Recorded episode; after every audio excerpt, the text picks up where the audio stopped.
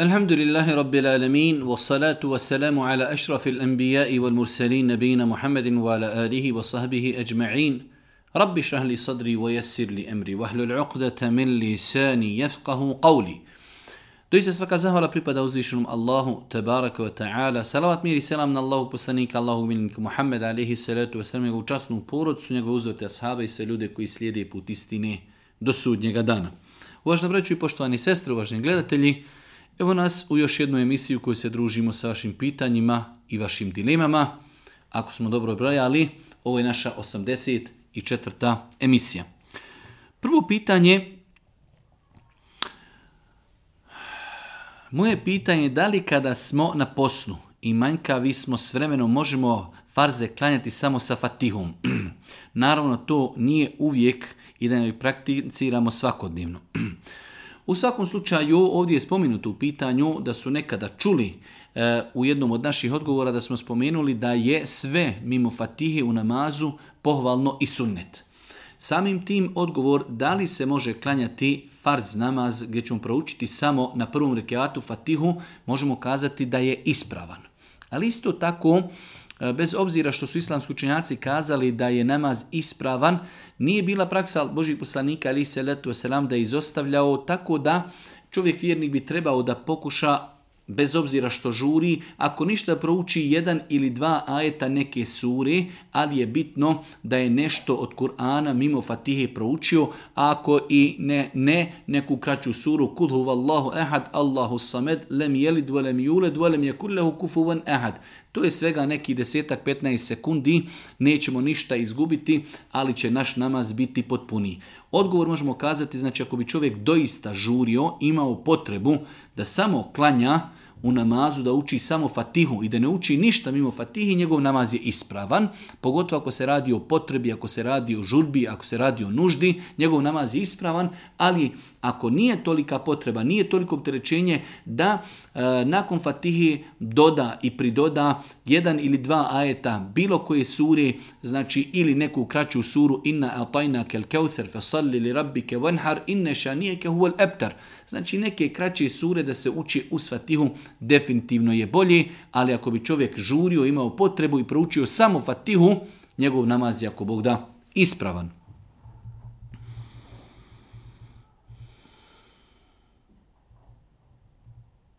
Jedno baš duže pitanje, ali u sredini pitanja stoji jedna stvar mi je na, u, načinu liječenja jako upitna. Jedan od Efendija radi sa jednim momkom koji ima vizije.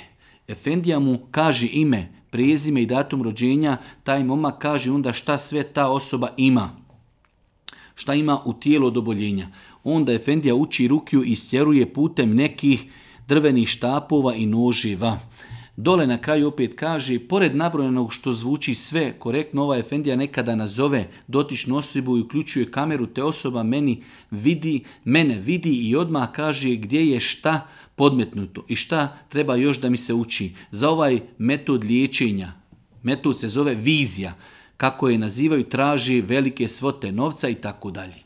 Znači, E, pitanje da li je ispravan taj neki način liječenja putem neke vizije gdje čovjek nazove nekog svog ahbaba, on definitivno sarađuje sa džinima, ovaj mu kazuje gdje je to zakopano, šta je problem, šta treba učiti i tako dalje i u svemu tome se traži velike, velike svote novca. Da li kod takvih ljudi ići? Apsolutno ne. Svi oni koji traži ime, prezime, datum rođenja, svi oni koji tvrde da znaju gdje se nešto nalazi, znači sve su to varalice, sve su to prevaranti, tako da E, kada je u pitanju liječenje od sihra, od džinsko-šetanskog dodira, od crne magije, jedino što je ispravno jeste učenje Kur'ana učenje Kur'ana svakako u datom momentu i koristiti čorekut, koristiti, e, koristiti zemzem, med, naučenu vodu i tako dalje, ali osnova liječenja jeste učenje Kur'ana, ruke, dove. E, čovjek može sam sebi učiti i dove, učiti Kur'an ili da mu to neko drugi uči. Nikakve vizije, nikakvo dozivanje, pozivanje ljudi koji će e, tražiti ime i prezime i datume i nakon toga kazivati od čega je čovjek obolio, to znači e, ukazuje da takvi ljudi sarađuju sa džinima što je u islamu zabranjeno.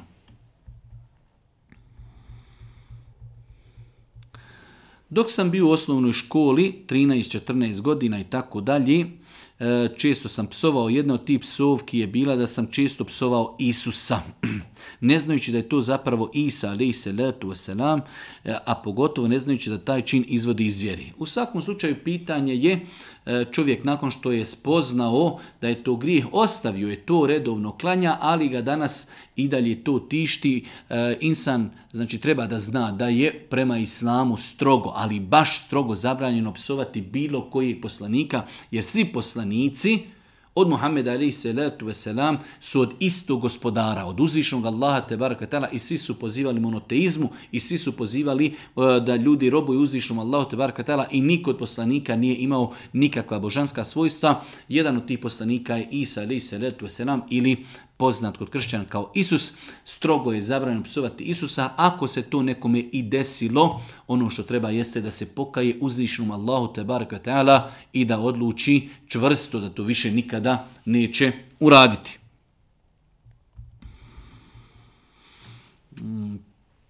Prvo pitanje od dva pitanja, da li je nanošenje svinske masti na tijelo u svrhe liječenja, da li kvari abdest? Znači mi smo nekoliko svojih odgovora kazali ako je u pitanju svinska mast da se koristi vanjskim korištenjem, a ne konzumiranjem, da je to dozvoljeno. Ali svinska mast je nečista. Tako da, ali opet to nema nikakve veze sa našim abdestom. Mi možemo biti pod abdestom, i namazati svinsku mast na dio koji nas boli na ruci. Kada dođe namaz mi to operimo mi smo i dalje pod abdestom. Doticanje nečistoći, možemo ovako odgovoriti, doticanje nečistoći u islamu ne kvari abdest, ali nam je obaveza oprati tu nečistoću prije nego što počnemo klanjati.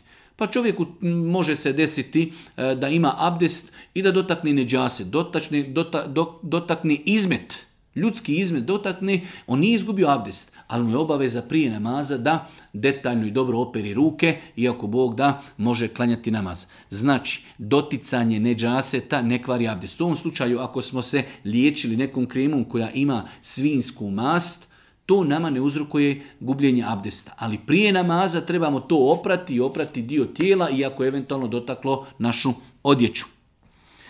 Mm, drugo pitanje u ovom pitanju, shvatio sam šta je medidj i da kvari abdest, ali da li se mi nakon nje isticanja toga moramo kupati? Znači, e, muškarci mogu biti u situaciji da iz spolnog organa ističe tečnost koja se zove medvig. E, propis mevigja, Boži poslanik je pojasnio u hadisu, e, svoga zeta Ali radijallahu ta'ala koji je imao problem sa isticanjem ove tečnosti medhi, pa je poslao ashaba koji se zvao Mikdad ibn Esved, pa je pitao Božijeg poslanika ali se letu selam, Ali radijallahu ta'ala mislio da je to kao propis spermi, pa se neprestano kupao do te mjeri da su mu leđa ispucala od čistog kupanja, pa je poslao Mikdad ibn Esveda pa je rekao Božji poslanik ne, zbog isticanja mezija se ne treba kupati, ali je mezij nečistoća i gubi se abdest. Znači nečistoća je do te mjere da treba oprati spolni organ i oprati se, oprati odjeću na koju je došao dodir sa mezijem i promijeniti abdest. Ali se ne treba kupati ne treba se kupati. Znači jasno je Boži poslanik Ali Sel u hadisima eh, vjerodostojnim potvrdio da eh, osoba koja ima problema sa isticanjem mezija da se ne mora kupati, ali ako se desi u isticanje mezija eh, a čovjek bio pod abdestom, izgubio je abdest, mezi je nečist, mora se oprati spolni organ i mora se oprati testisi i mora se oprati dio odjeći koji je došao u dodir sa time. Svi znamo da je haram duvanski proizvod da je zabranjen. Ali sam primijetio da kod nas na Balkanu kada neko preseli, porodca tog umrlog služi u gusulhanama cigare. I najviše me čudi to što nisam čuo neko predavanje baš o tome i da se ukaži narodu na tu grešku. Znači, e, ne znam, ja nisam doista to ni vidio ni čuo, ali evo koristimo priliku, kažu da u nekim slučajevima, u nekim mjestima e, prilikom na međita ljudi kada se okupe, porodica umrlog dijeli ljudima cigare. Svakako, znači u islamu konzumiranje duhana je haram i samo dijeljenje, znači toga je dijeljenje nečega što je zabranjeno, tako da vjernik to ne treba ni uzeti, niti to treba dijeliti. A duhan je zabranjen zato što je to uništavanje imjetka, uništavanje našeg zdravlja i uništavanje zdravlja ljudi iz našeg okruženja. To su tri glavna faktora, glavna razloga zašto je, zašto je duhan haram samim tim. Niti to treba dijeliti, niti to treba uzimati.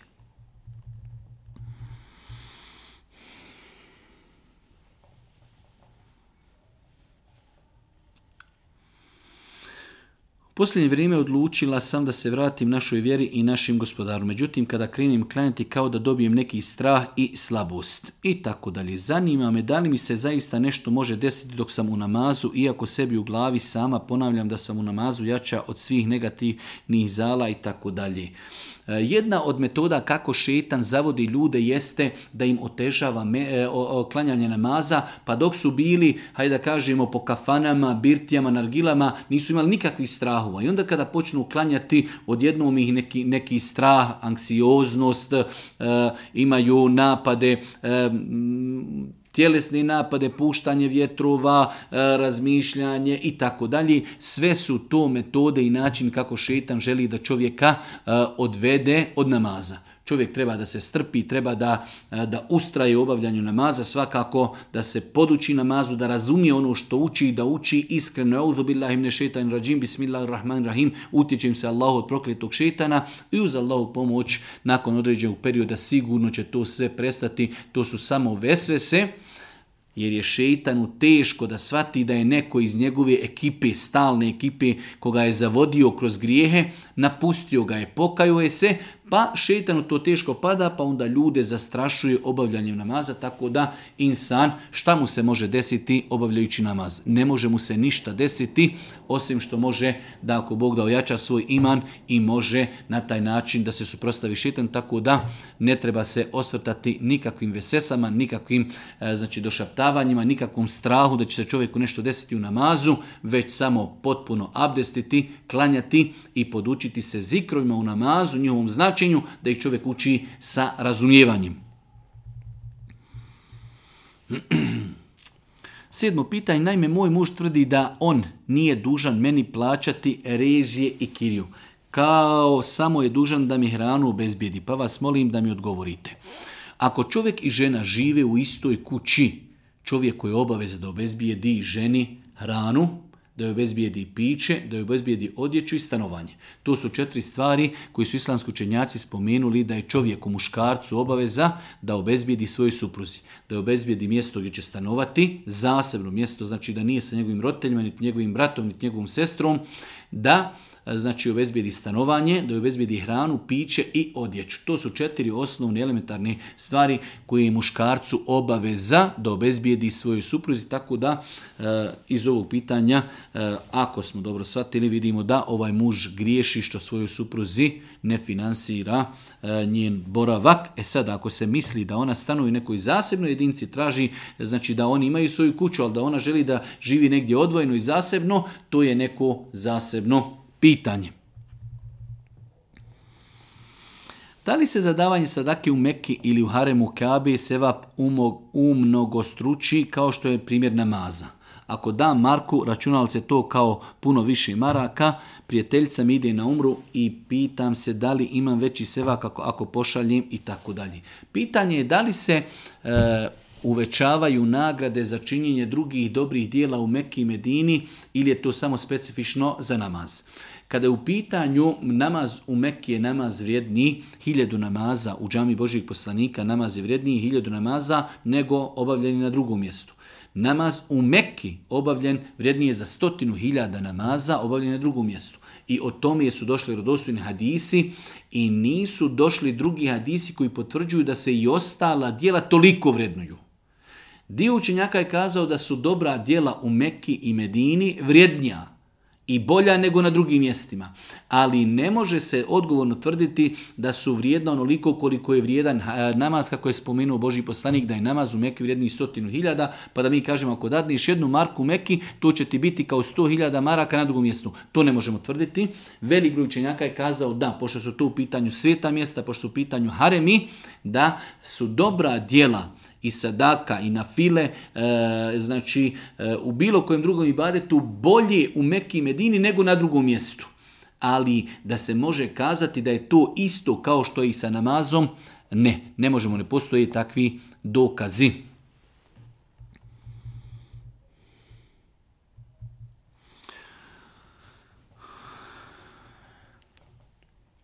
Živim u Švedskoj.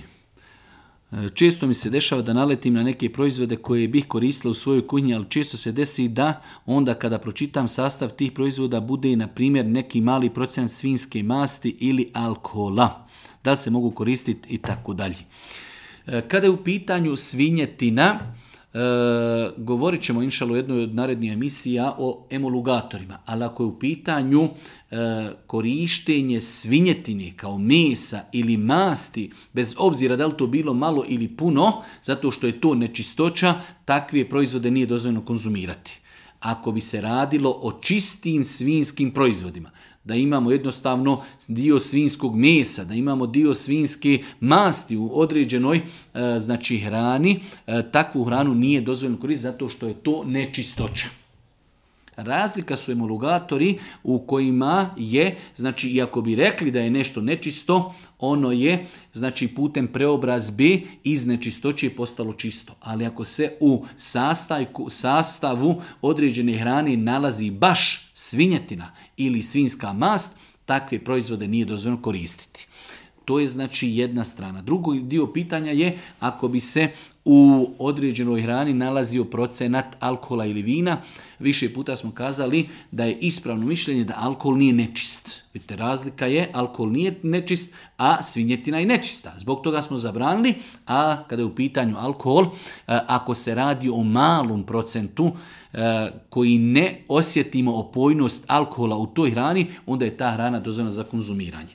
Znači, ako u određenoj hrani postoji mali procenat 0,1, 0,2, 0,5 od 100, E, procenat alkohola, e, i mi kada konzumiramo tu hranu ne osjetimo nikakav trag opojnosti, onda inšala dozvoljeno koristiti takvu hranu zato što alkohol u osnovi nije nečist, izgubilo je se svojno, opojnosti, a nama je alkohol zabranjen zbog opojnosti.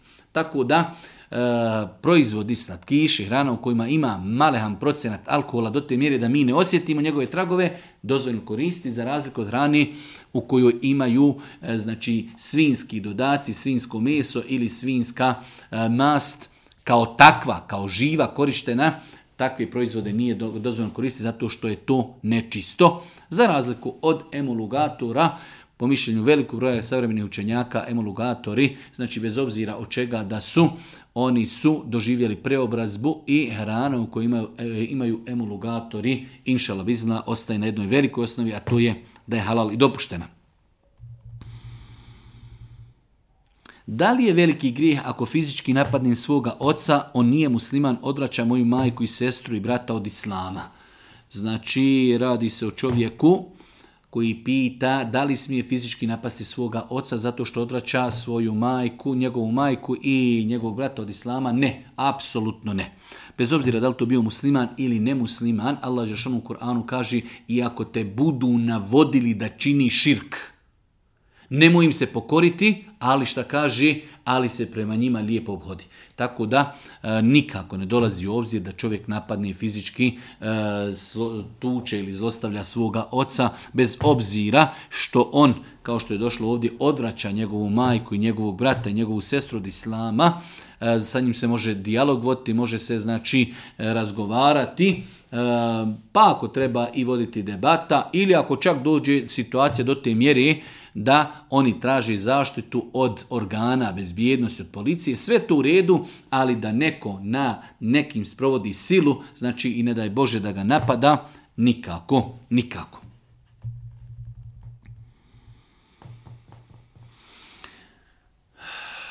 Prije izvjesnog vremena sam počeo klanjati sabah e, namaz i jaciju namaz. Uz vaše videoklipove još uvijek ne mogu tačno i jasno učiti dove kao što se čuje na vašim snimcima i tako dalje. Šta je rješenje?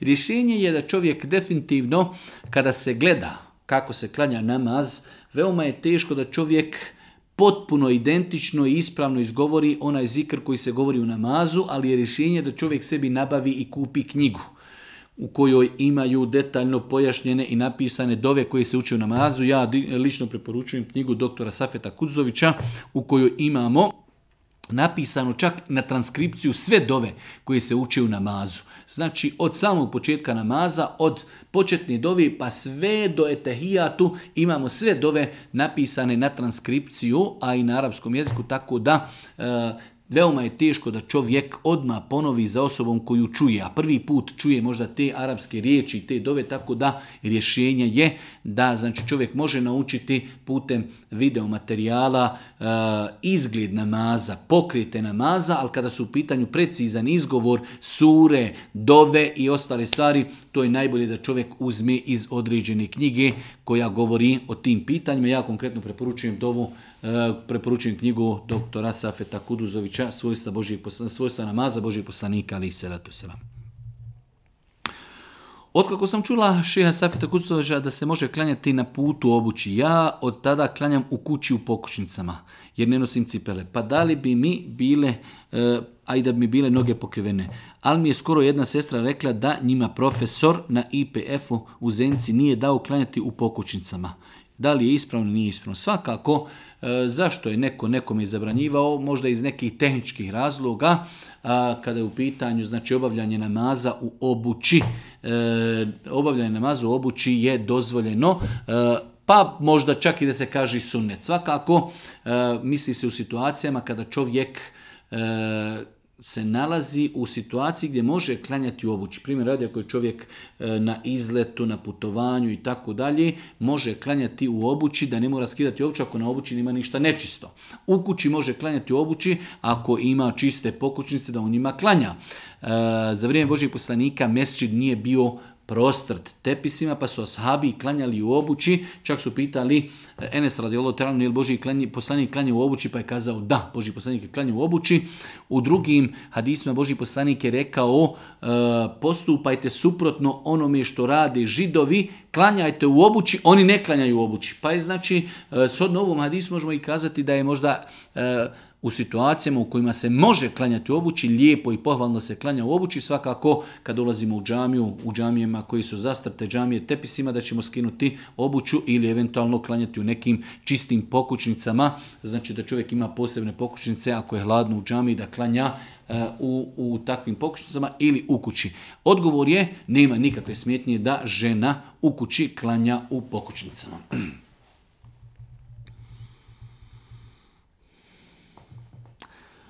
Smije li se veš sušiti na polju poslije akšama? Što se tiče islama, definitivno da, poslije akšama manje grije sunce, e, tako da će se slabije sušiti, ali što se tiče islama nema nikakve smetnje, nema nikakvog ograničenja da bi kazali do akšama se veš može sušiti, poslije akšama ne može, nema nikakvog ograničenja, veš se može sušiti ujutro, na podne, na veći, cijelu noć, znači nema nikakve smetnje s aspekta islama, ne postoji nikakva ograničenja.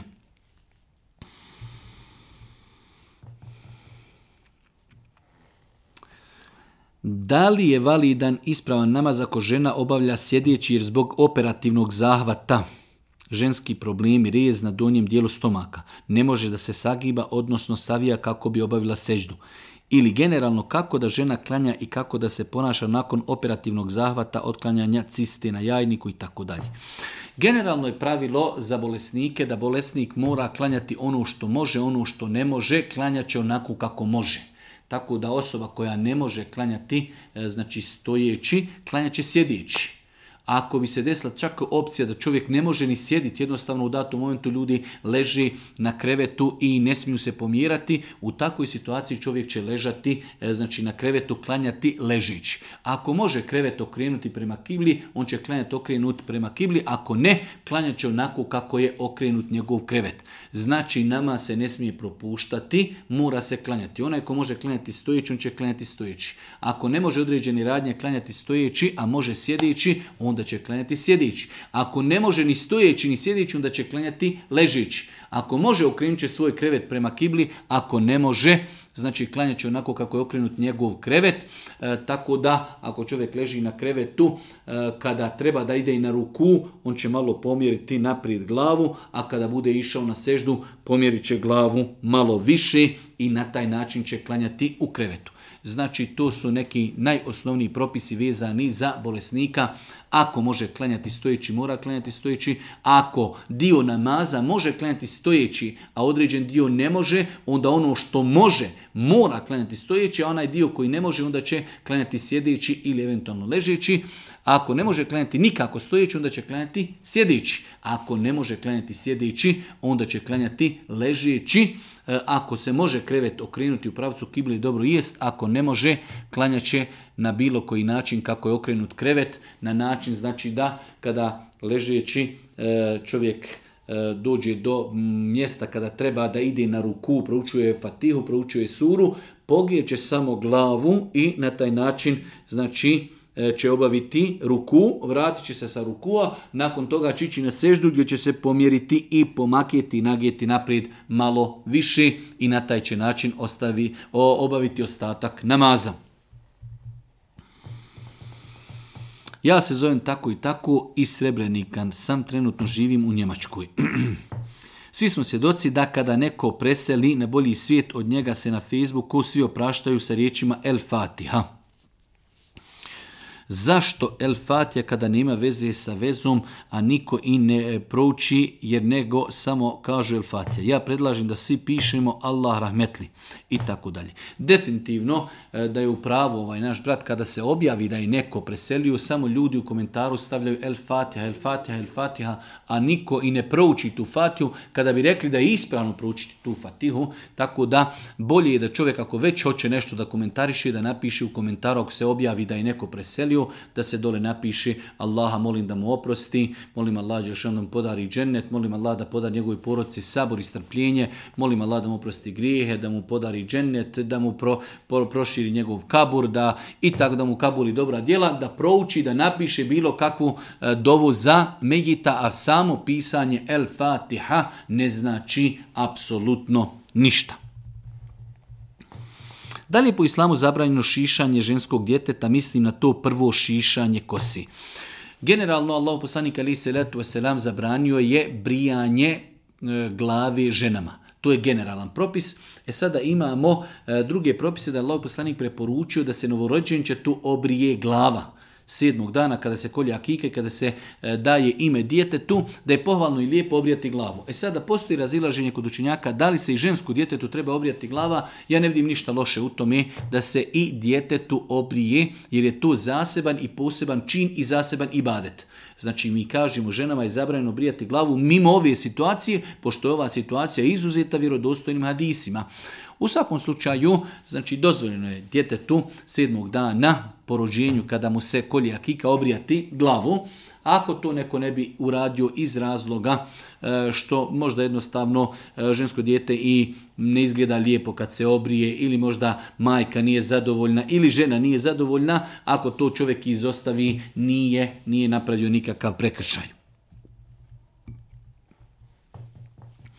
Kako postupiti kada se na ulici svako malo susretnemo sa prosjacima od kojih sigurno ima kojima je potrebno, ali ima i oni koji zloupotrebljavaju i tako dalje. U svakom slučaju jedno izuzetno komplikovano i teško pitanje. Slušao sam odgovore određenih savremenih učenjaka koji znaju za ove pojave gdje mi vidimo da isti, jedan te isti prosjak, znači danima stoji na jednom te istom mjestu i svi znamo eh, iz provjerenih izvora da ti ljudi dnevno nekada mogu i po 50, 70 do 100 maraka zaraditi. Dobro, ako si danas tražio e, gdje si te pare potrošio, tih para si mogao živjeti normalnim životom 5, 7, 10 dana. Nakon toga, hajde da kažemo, tu je pod pretpostavkom da je potreba, ali imate ljude koji svakim danom na istom semaforu, na istom mjestu ljudi prosi. Pa sam slušao poznatog naših šeha Mustafa El Adevija iz Egipta koji kaže e, ne treba davati sadak onim ljudima koji su to uzeli kao profesiju. Znači ljudi koji svakim danom ga viđaš na istom semaforu, na istom mjestu, na istom, e, isti izgled, ista osoba, takvim osobama ne treba davati. A za druge prosjake koje čovjeka traži, čovjek treba da pod navim znacima pokuša e, kroz razgovor ili kroz e, analizu da vidi koliko mogni da, da, da, da hajde kažemo, sati da li je to prevarant ili neko ko je u potrebi. Ako shvati da je neko potreban će dati, ako shvati da je to neko ko je to uzeo kao zanimanje, njemu neće i dati, ali treba znati ako čovjek i dadni i pogriješi, on će biti nagrađen kao da je dao nekome koji je potreban. Znači ako neko nama dođe i lažno kaže daj mi novca da kupim hljeb i ti mu dadniš marku, on ode tamo potroši možda za nešto drugo, ti ćeš biti kod Allaha nagrađen da si mu dao da kupi hljeb. Gdje će on to potrošiti, on će biti odgovoran na sudnjem danu, gdje i kako je potrošio. E, da ne govorimo o posebnim hadisima gdje Allah poslanik ali se leto selam zabranio prosjačenje, zabranio da čovjek traži od ljudi osim u tri situacije koje Allah poslanik izuzeo gdje čovjeka zadesi neimaština i nedaća određena, pa jednostavno više nema opcije osim da ljude od ljudi traži, E, znači to je posebno poglavlje u islamu da je zabranjeno islamu prosjačiti i tražiti ako čovjek nima potrebu. Ali evo, kad bi rekli da čovjek ima potrebu, mi ćemo dati ono mi za koga mislimo i pretpostavimo da je iskren, ako i ne dadnemo, nismo ako Bog da griješni, zato što se danas doista proširilo mnogo ljudi koji prose i koji traži i čovjek veoma teško može e, znači vjerovati kom je da da. Oni koji su u osnovi potrebni, oni veoma teško pruži svoju ruku, veoma teško pruži svoju ruku, ali znači insan iako dadni, iako znači ispostavi se da je pogriješio, on će biti nagrađen prema svome nijetu i svojoj namjeri. Zanima me da li je dozvoljeno stavljati krune ili navlake na zube ako postoji validan razlog za to, da li to smeta gusulu i abdestu, ne smeta. Ako čovjek ima validan razlog da stavi e, navlake na zube ili evo kako je ovdje već kazano krune ili navlake na zube, to ako Bog da E, postaje sastavni dio njegovog zuba i to nema nikakve veze nakon toga, odnosno nema nikakvog e, utjecaja na validnost njegovog abdesta i na validnost njegovog e, gusula i gusul i abdest u takvim slučajevima su ispravni i validni.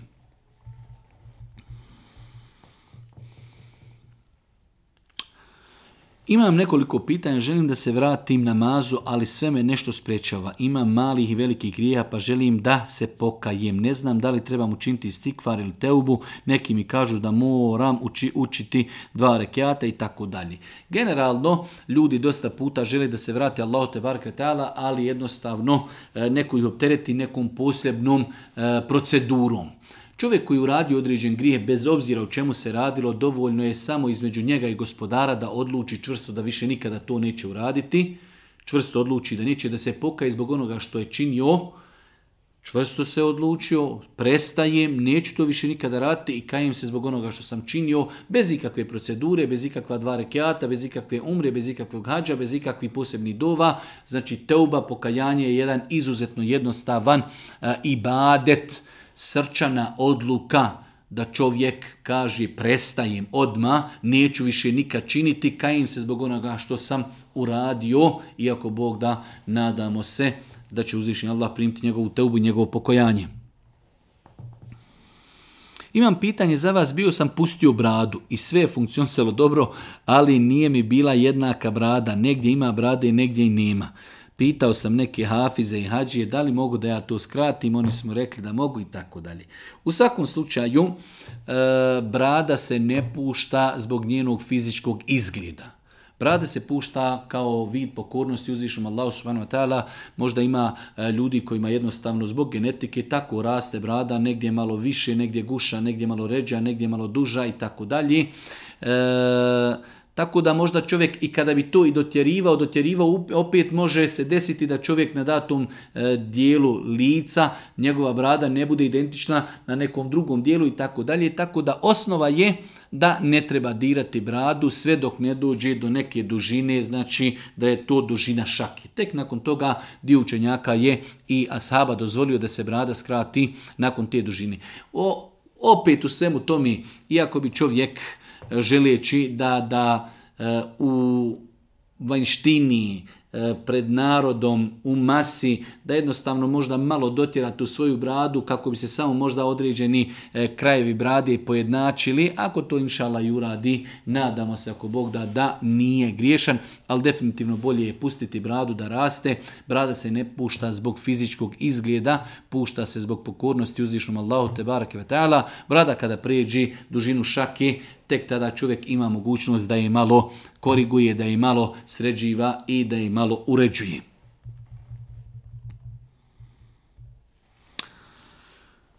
Imamo na poslu jednu veliku prostoriju koju se preslači radnici. Inače radim u staračkom domu, u toj prostoriji se također nalazi i WC šolja i to je jedina prostorija gdje se može obavljati namaz. Sada me zanima da li je dozvoljeno u toj prostoriji obavljati namaz s tim da kada se okrenem prema kibli, WC, šolja mi se nalazi iza leđa. Znači situacija da čovjek ima jednu veću prostoriju gdje e, koristi prostoriju za preslačenje, ali sastavni dio te prostorije jeste da tu postoji i WC šolja. E, to je jedino mjesto gdje se može klanjati namaz. E, da li obaviti tu namaz ili ga ne obavljati? Apsolutno da. Tu obavljati namaz, pogotovo ako čovjek se okrene u pravcu kibli gdje se tu može smatrati kao jedna zasebna prostorija ako se iza toga, iza njega nalazi znači toalet, nalazi se WC šulja, Ako on klanja u mjestu koje je predviđeno za preslačenje, ako Bog da, nema nikakve smetnje, njegov namaz je validan. Uh, u svakom slučaju da je to mnogo bolje nego da čovjek, ne daj Bože, ne daj Bože, dovodi u pitanje svoj namaz i da ga izostavlja. Da li žena u drugom stanju smije šišati svoju kosu? Koliko mi je poznato, ne postoji dokaz u islamu koji sprečava i zabranjuje da žena koja je u drugom stanju, koja je trudna, da skraćuje svoju kosu. Znači, imamo u islamu dva velika pravila, Naša, naši postupci običaji imamo i badete. Kada su u pitanju i badeti ne smijemo ništa rati osim sa dokazom. A kada su u pitanju naši običaji, naš svakodnevni život, sve smijemo raditi osim ono što je zabranjeno. Tako i u ovom slučaju, da li žena smije skratiti kosu, mi kažemo smije. Sve dok ne postoji dokaz koji to zabranjuje. Pošto ne postoji dokaz da je to zabranjeno, mi kažemo da je to dopušteno i dozvoljeno. Zanima me pitanje u vezi emulugatora koji se nalazi kao sastav u svim namjenicama. Emulugatori koji značavaju da taj proizvod ima e, svinsko meso, uši, papke i tako dalje. A u svemu tome ti proizvede imaju na sebi oznaku da su halal. Molim vas da pojasnite, ja od kako sam za temu logatore saznala ne kupujem, ali skoro sve, svi artikli to imaju. Ali vas nagrađu. Mi živimo u vremenu kada su se pojavile mnoge pojave koje nisu bile poznate u priješnjim vremenu jedna od tih pojava jesu i ovi emulugatori. E, postoji priča, koliko je provjerena, to samo uzvišnji Allah subhanahu wa zna, da određeni emulugatori se pravi od e, dijelova svinjske, od dijelova svinje, od dijelova svinje, neki spominju uši, neki papke i tako dalje. U svakom slučaju, ako e, pogledamo većinu današnjih proizvoda, ako pogledamo većinu, ali baš većina e, današnjih proizvoda, e, kada je u pitanju prehrana, u sebi sadrži određene emulogatore Ako bi ljudima kazali, s jedne strane da je to zabranjeno, napravim ljudima veliki, veliki, veliko otežavanje. Dobro, kada bi nešto bilo što je 100% zabranjeno, mi bi i kazali ne, zabrajno je pa makar to bila i poteškoća. Ali e, velik broj islamskih učenjaka kazao je da takve stvari emulugatori u osnovi doživjeli su preobrazbu. Znači samim tim hemijskim preradama jednostavno taj emulgator danas kada bi ga čovjek e, imao priliku vidjeti, e, vidio bi da je to možda neki prah ili neka tečnost koja uopšte nema nikakvu, e, nikakvu nečistoću, nema nikakve tragove onoga od čega je dobivena, tako da na osnovu toga i te preobrazbi islamski učinjaci su kazali da je dozvoljno konzumirati proizvode u kojima imaju bilo kakvi emulugatori. Ako neko može e, da u životu živi na način da e, izbjegava proizvode u kojima imaju emulgatori, to je što bi rekao e, njegova dobra volja, ali obavezivati ljude da izbjegavaju proizvode u kojima imaju određeni emulgatori u današnje vrijeme, vjerujte, više nego poteškoća. Samim tim sam učenjaci su kazali da preobrazbom takvih stvari, te, te, te stvari postaju čiste i e, konzumiranje takve hranje je dozvoljeno, pogotovo kada uzmemo obzir da takvi emulgatori, njihov procenat u hrani je izuzetno malehan. Znači, procenat emulgatora u hrani je izuzetno malehan, s druge strane e, preobrazbom, preobrazbom i hemijskim znači obrađivanjima, takve stvari su izgubile, izgubile svoju stvarnost, tako da e, u obzir sve ove faktore, smatram Allah najbolje zna da nema smetnje da se konzumira hrana u kojoj imaju emulogatori.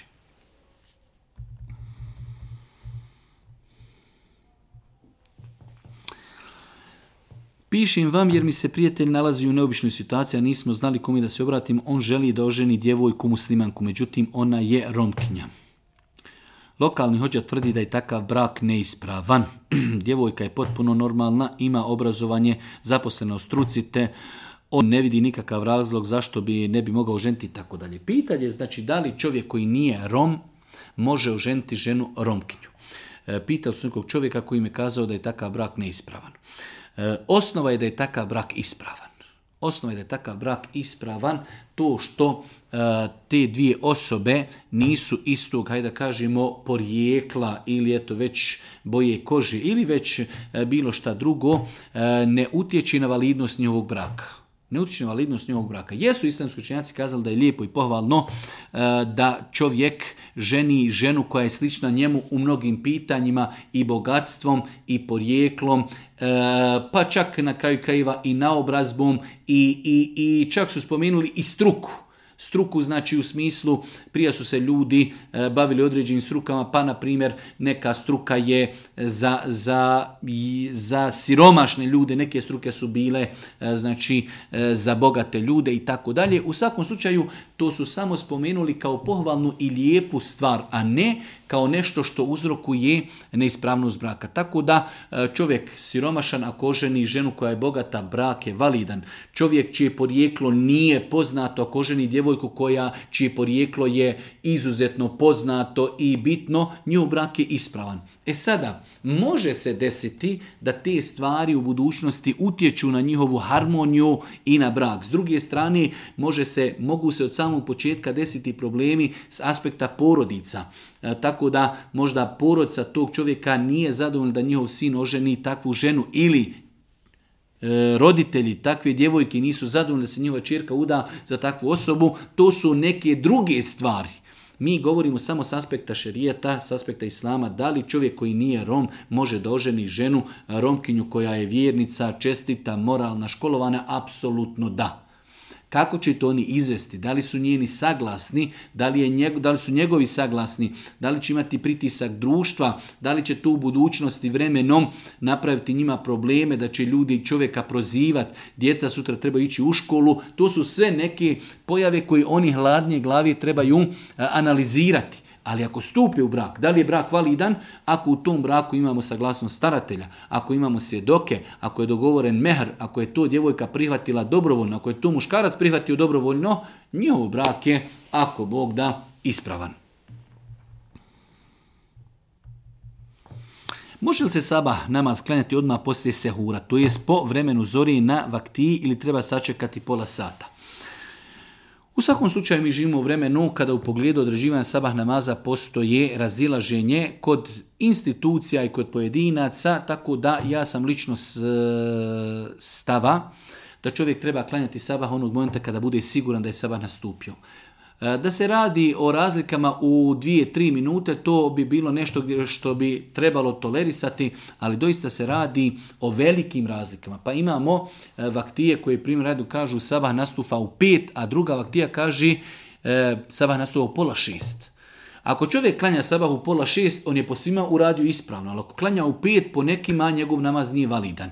Tako da ja sam stava u ovakvoj situaciji u kojoj se trenutno nalazimo, kada nemamo nekog svjetskog vrhovnog autoriteta, e, instituciju koja će nametnuti jedno mišljenje koje će svi morati prihvatiti, mislim da čovjek treba da pazi na svoj namaz i da bude predostrožan, da klanja namaz po onoj vaktiji koja je, znači, koja je kasnija, koja je kasnija. Ako jednoj vaktiji kaže klanja se sabah u 5, a drugoj klanja se u 5.30, ja bi uvijek klanjao namaz u 5.30, tada sam siguran da je moj namaz i po jednoj i po drugoj isprava.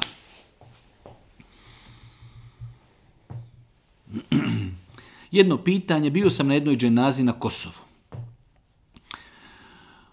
U toj poroci gdje se klanjala dženaza, prije tri mjeseca prvo je preselila snaha, pa onda njena svekrva sve krva je bila bolesna i tako dalje. Da skratim, tako čovjek kaže, da skratim. Čuo sam kako čirka od ove e, starije žene što je umrla kaže da će neko iz njihove poruce da zakolje pijetla ili nešto pernato kako bi prekinuo te smrtne slučaje u njihovoj familiji. Da li je to ispravno ili ne? Znači, desilo se dva smrtna slučaja u porodici, pa porodca želi da zaustavi smrtne slučajeve u svojoj poroci tako da što će oni zaklati nekog pijetla jadnog. Jadnog pijetla, jadni pijeta, on je krivni dužan, ode mu glava s ramena. Ovo nema nikakve veze sa vjerom islamom. E, znači, ovo nema veze sa razumom. Ovo nema veze sa... Može se desiti da e, u jednoj familiji za heftu dana umri deset osoba i nakon toga pet godina niko ne umri. Tako da mi ne znamo, to je udaranje na kader, to je udaranje na sudbinu, to je udaranje na, na Allahovu mudrost, na njegovo, e, e, njegovo znanje, na njegovu mudrost, na njegovu odredbu, na sudbinu i tako dalje, tako da to nema apsolutno nikakve veze. To su običaji, to je sujevjerje koje je u suprotnosti koji je u suprotnosti sa islamom, to što su dvije osobe ublizu umrle u jednoj poroci ne znači da će brzo nakon njih neko umrijeti i da nakon njih neko umrije nikakvo rješenje nije klati nikakve pjetlove ili nešto slično to mi Znači, Allahov kader je da insan kada mu dođu smrtne muke i kada mu dođe eđel, on će umrijeti kada bi poklali sve horozove koji postoje na planeti. Od koliko godina je propisano da se pusti brada i da li je dozvoljeno da se brije brada kako je brže porasla? Kao i svaki drugi propis i brada postaje obaveza čovjeku onda kada postane punoljetan. Svakako, rekli smo da i prije punoljetstva djecu treba privikavati na propise islama kako ne daj Bože, kako ne daj Bože, ne bi priviknuli se na određene harame i grijehe prije punoljetstva, ali grije se počnu pisati od punoljetstva. Brijanje bradi nije dozvoljeno, brijanje brade je znači zabranjeno, makar to bilo s ciljem da gra, brada postane gušća. Znači, brijanje brade nije dozvoljeno, makar to se radilo s ciljem da brada bude gušća. Da li je haram kupovati papagaje? Ne poznajem dokaz koji zabranjuje da čovjek kupi bilo koju vrstu ptica. Mi smo rekli da u više svojih odgovora dozvoljno u islamu da ptice budu e, kućni ljubimci, pod uvjetom da čovjek kućnim ljubimcima obezbijedi hranu, vodu i piće, ono što im je potrebno, e, zato što im je uskratio mogućnost da oni sami sebi to obezbjeđuju, tako da čovjek može imati macu, zeca, ribice, ptice, znači od tih ptica jeste i ptica papagaj. Ne znam zašto bi se samo papagaj izuzmeo iz propisa, kao što je dozvoljeno kupiti bilo koju drugu kanarinca ili neku drugu pticu, isto tako je dozvoljeno kupiti i papagaja, s tim da nam je obaveza, ako ćemo ga već sputati od krijetanja i postizanja na fake, onda je nama obaveza da mu obezbijedimo vodu i hranu. Dešava mi se da mi dolaze neke ružne misli u glavi, da ako ne ponovim neku stvar dva ili više puta, da će mi se desiti nešto loše. Na primjer, ako ne pomerim čašu dva puta i ako ne ponovim korak isti dva puta, da će mi se desiti nešto loše. Pogledajte, ovo sam pitanje ciljano postavio koliko se ljudi mogu opteretiti vesvesama. Ako ne uradim određen pokret dva puta, može mi se desiti nešto loše. Pa primjer navodi čovjek, ako ne povjerim čašu dva puta, nešto će mi se desiti loše.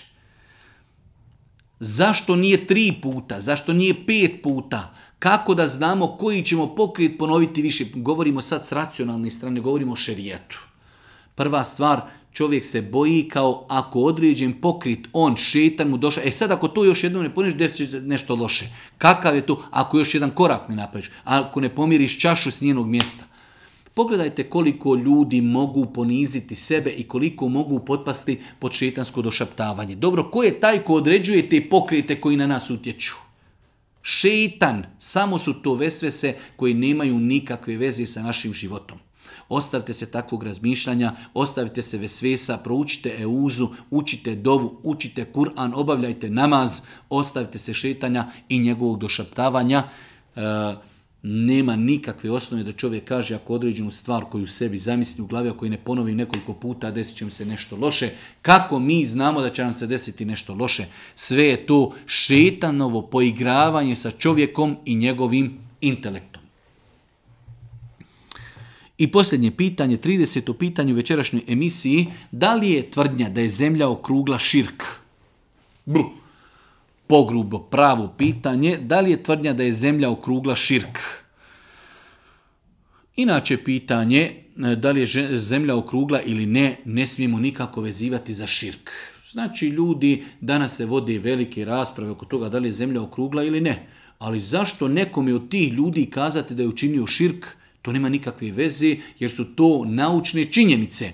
Definitivno kada je u pitanju islam, Šeul Islam ibn Taymi, Rahmetullah i drugi učenjaci navode konsenzus islamskih učenjaka u pogledu toga da je zemlja okruglastog oblika.